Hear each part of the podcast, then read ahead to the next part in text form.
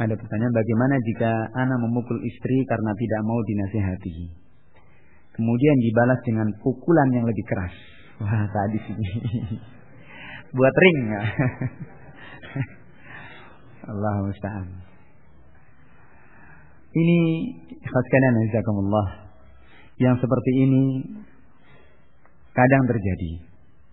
Namun perlu kemudian dilihat kembali. Kenapa kok istri sampai seperti itu? Terkadang karena sikap kita yang kurang baik atau karena cara menasehati kita juga kurang pas. Taunya asal ngomong saja, kemudian kita katakan itu sudah nasihat. Maka seorang suami dia mesti harus paham betul siapa istrinya. Masa nggak paham dengan istrinya sendiri? Bagaimana sifat-sifatnya, bagaimana hal-hal yang akan menjadikan marahnya atau hal-hal yang menjadikan kesukaannya. Maka sebagaimana ingat pada sabda Rasulullah SAW, An-nasu ka'ibili mi'ah, la takadu tajid laha rahilah. Ini kaidah bagi kita. Artinya ketika meluruskan seorang istri, tidak bisa dengan cara ini, mungkin dengan cara yang lain. Jangan kemudian kehilangan akal untuk kemudian mengingatkan. Berusaha terus. Kalau kita sudah berusaha terus dan terus, kemudian tidak berhasil, la haula wala quwata illa billah. Itu adalah bukan tanggung jawab kita. Maka ini terkadang seperti ini jangan kemudian menyalahkan istrinya. Wah ini ngajak perang. Nah, ini. Maka terkadang seperti ini, ini terkadang kembalinya kepada kita sendiri. Mungkin cara-cara kita menasehati, mengingatkannya juga sambil mencaci boleh jadi sambil malang kerik, eh, atau malang kerik ini. nah, ini sambil peteng-tengan bisa jadi karena cara-cara seperti itu atau dengan cara-cara yang kasar. Terkadang ini yang kemudian menjadikan si istri pun juga ikut kalap. Hmm. Hmm. Maka kita lihat bagaimana wasiat Allah Subhanahu wa taala. Wallati takhafuna nusyuzahunna fa'idhuhun. Nasihati mereka dengan cara baik. Yang namanya nasihat ini kita lihat siapa pun, jangankan istri, siapa pun, walaupun orang itu tersalah, tentunya tidak mau disalah-salahkan. Ya.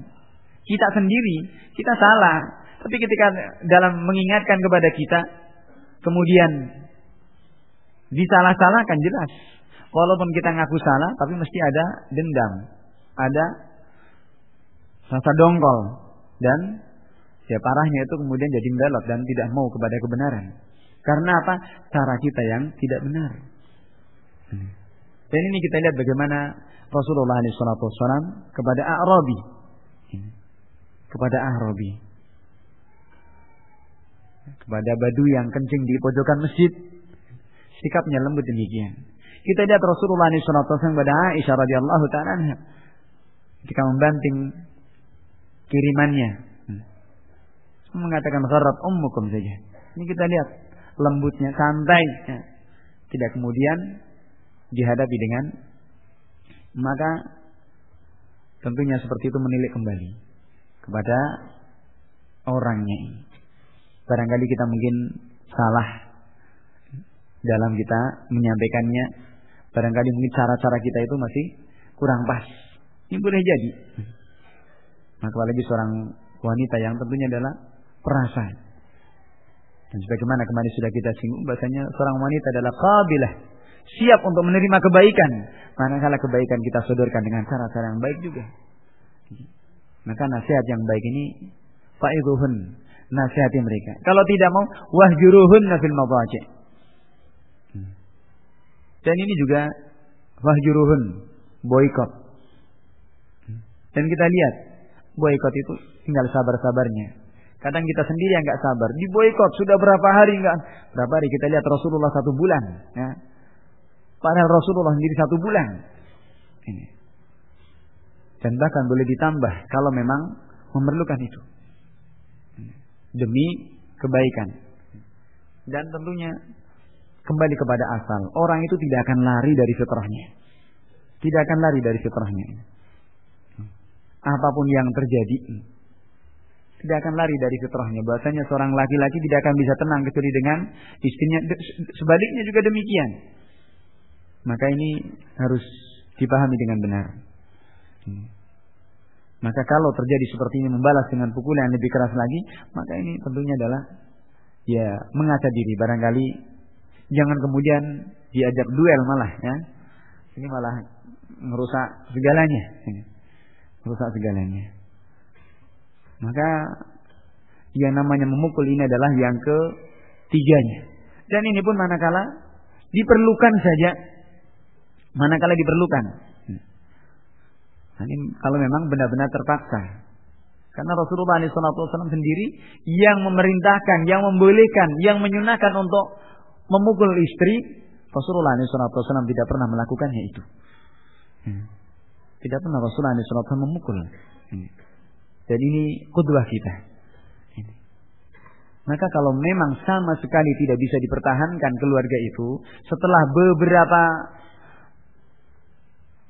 apa cara sudah diupayakan hmm, dengan apa yang disunnahkan dengan apa yang dituntunkan oleh Al-Quran dan sunnah-sunnah Nabi Alaihi Wasallam, nah, baru kemudian apalagi kalau memang tidak ada kecocokan, barangkali kurang pas. Namun terkadang setelah mau cerai, ini baru kemudian sudah keluar kata-kata cerai dari si suami kepada istrinya. Giliran si suami mau si istrinya mau tata-tata, mau siap-siap mengemasi barang-barangnya, mulai rasa iba si suami ini.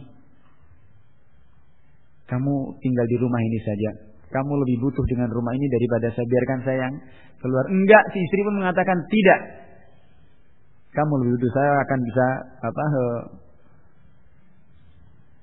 bisa dengan saudara saya yang bisa menampung saya. Kalau begitu bawa semua perabotan yang ada. Hmm. Si mengatakan kalau begitu bawa perabotan yang ada. Hmm. Maka si, si istri ini juga mengatakan tidak, kamu lebih butuh dengan ini semuanya. Ya. Padahal ini kenapa terjadi seperti itu baru kemudian Padahal sebenarnya bisa ada titik temu.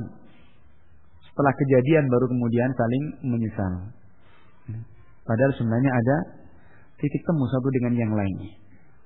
Maka ini jangan kemudian yang namanya kemarahan. Karena satu permasalahan yang seperti itu kemudian menjadikan memporak-porandakan sekian tahun yang sudah dibina. Ini, ini mestinya menjadi perhatian bagi kita. Maka sekali lagi kalau terjadi seperti ini maka pertama adalah semestinya mengembalikan kembali kepada si suami itu sendiri. Kenapa kok si istri sampai seperti itu? Hmm. Bagaimana manajernya ini? Ya? Bagaimana pimpinannya ini dalam memimpin dan mendidik pada istrinya? Barangkali ini kurang didikan. Boleh jadi. Kurang didikan, kurang asuhan, kurang bimbingan. Boleh jadi sampai kemudian seorang istri sampai berani seperti itu. Barangkali kita tafrid dari kita sendiri. Ya. Artinya kelalaian dari kita sendiri. Jangan kemudian wah ini sudah kurang ajar sudah. Nah, wanita itu seorang istri sampai kurang ajar. Ini kenapa? Kok sampai seperti itu? Ini. Maka kalau ini sudah semuanya ditunaikan baru kemudian ya perceraian itu adalah satu hal yang diinginkan oleh iblis ini. Hmm. Bagaimana jika sedang marah terlintas pikiran untuk bercerai? Ini pikiran iblis seperti itu. Hmm. Ini pikiran iblis. Ya. Bukan seorang muslim, seorang suami yang berakal. Maka mesti harus hitung-hitungan. Bagaimana akibat dari perceraian itu sendiri.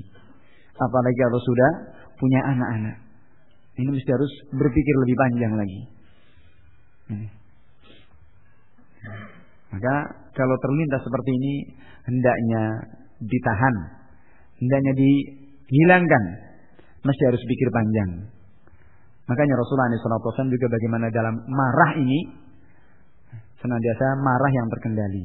Rasulullah SAW tidak pernah marah kecuali marahnya manakala intihak hurumatillah manakala ada pelanggaran-pelanggaran kepada hukum-hukum Allah Subhanahu wa taala. pelanggaran kepada syariat syariat Allah Subhanahu wa taala. Adapun marahnya mungkin karena dirinya dicela, Rasulullah tidak marah seperti itu. Ini yang barangkali kita tidak bisa. Ya, barangkali kita sulit jika kita dimaki, waduh, rasanya sudah sakit sekali. Kadang-kadang seperti itu. Namun kita lihat Rasulullah SAW tidak pernah kemudian membalas sesuatu yang berkaitan dengan dirinya. Tapi Rasulullah akan membalas, akan marah manakala itu berkaitan dengan permasalahan syariat syariat Allah Subhanahu wa taala. Ini yang mestinya tertanamkan pada seorang suami. Maka kalau ada seperti ini, terlintas yang seperti ini, ini memang pikiran-pikiran yang instan, maunya enak. Cerai, ganti lagi.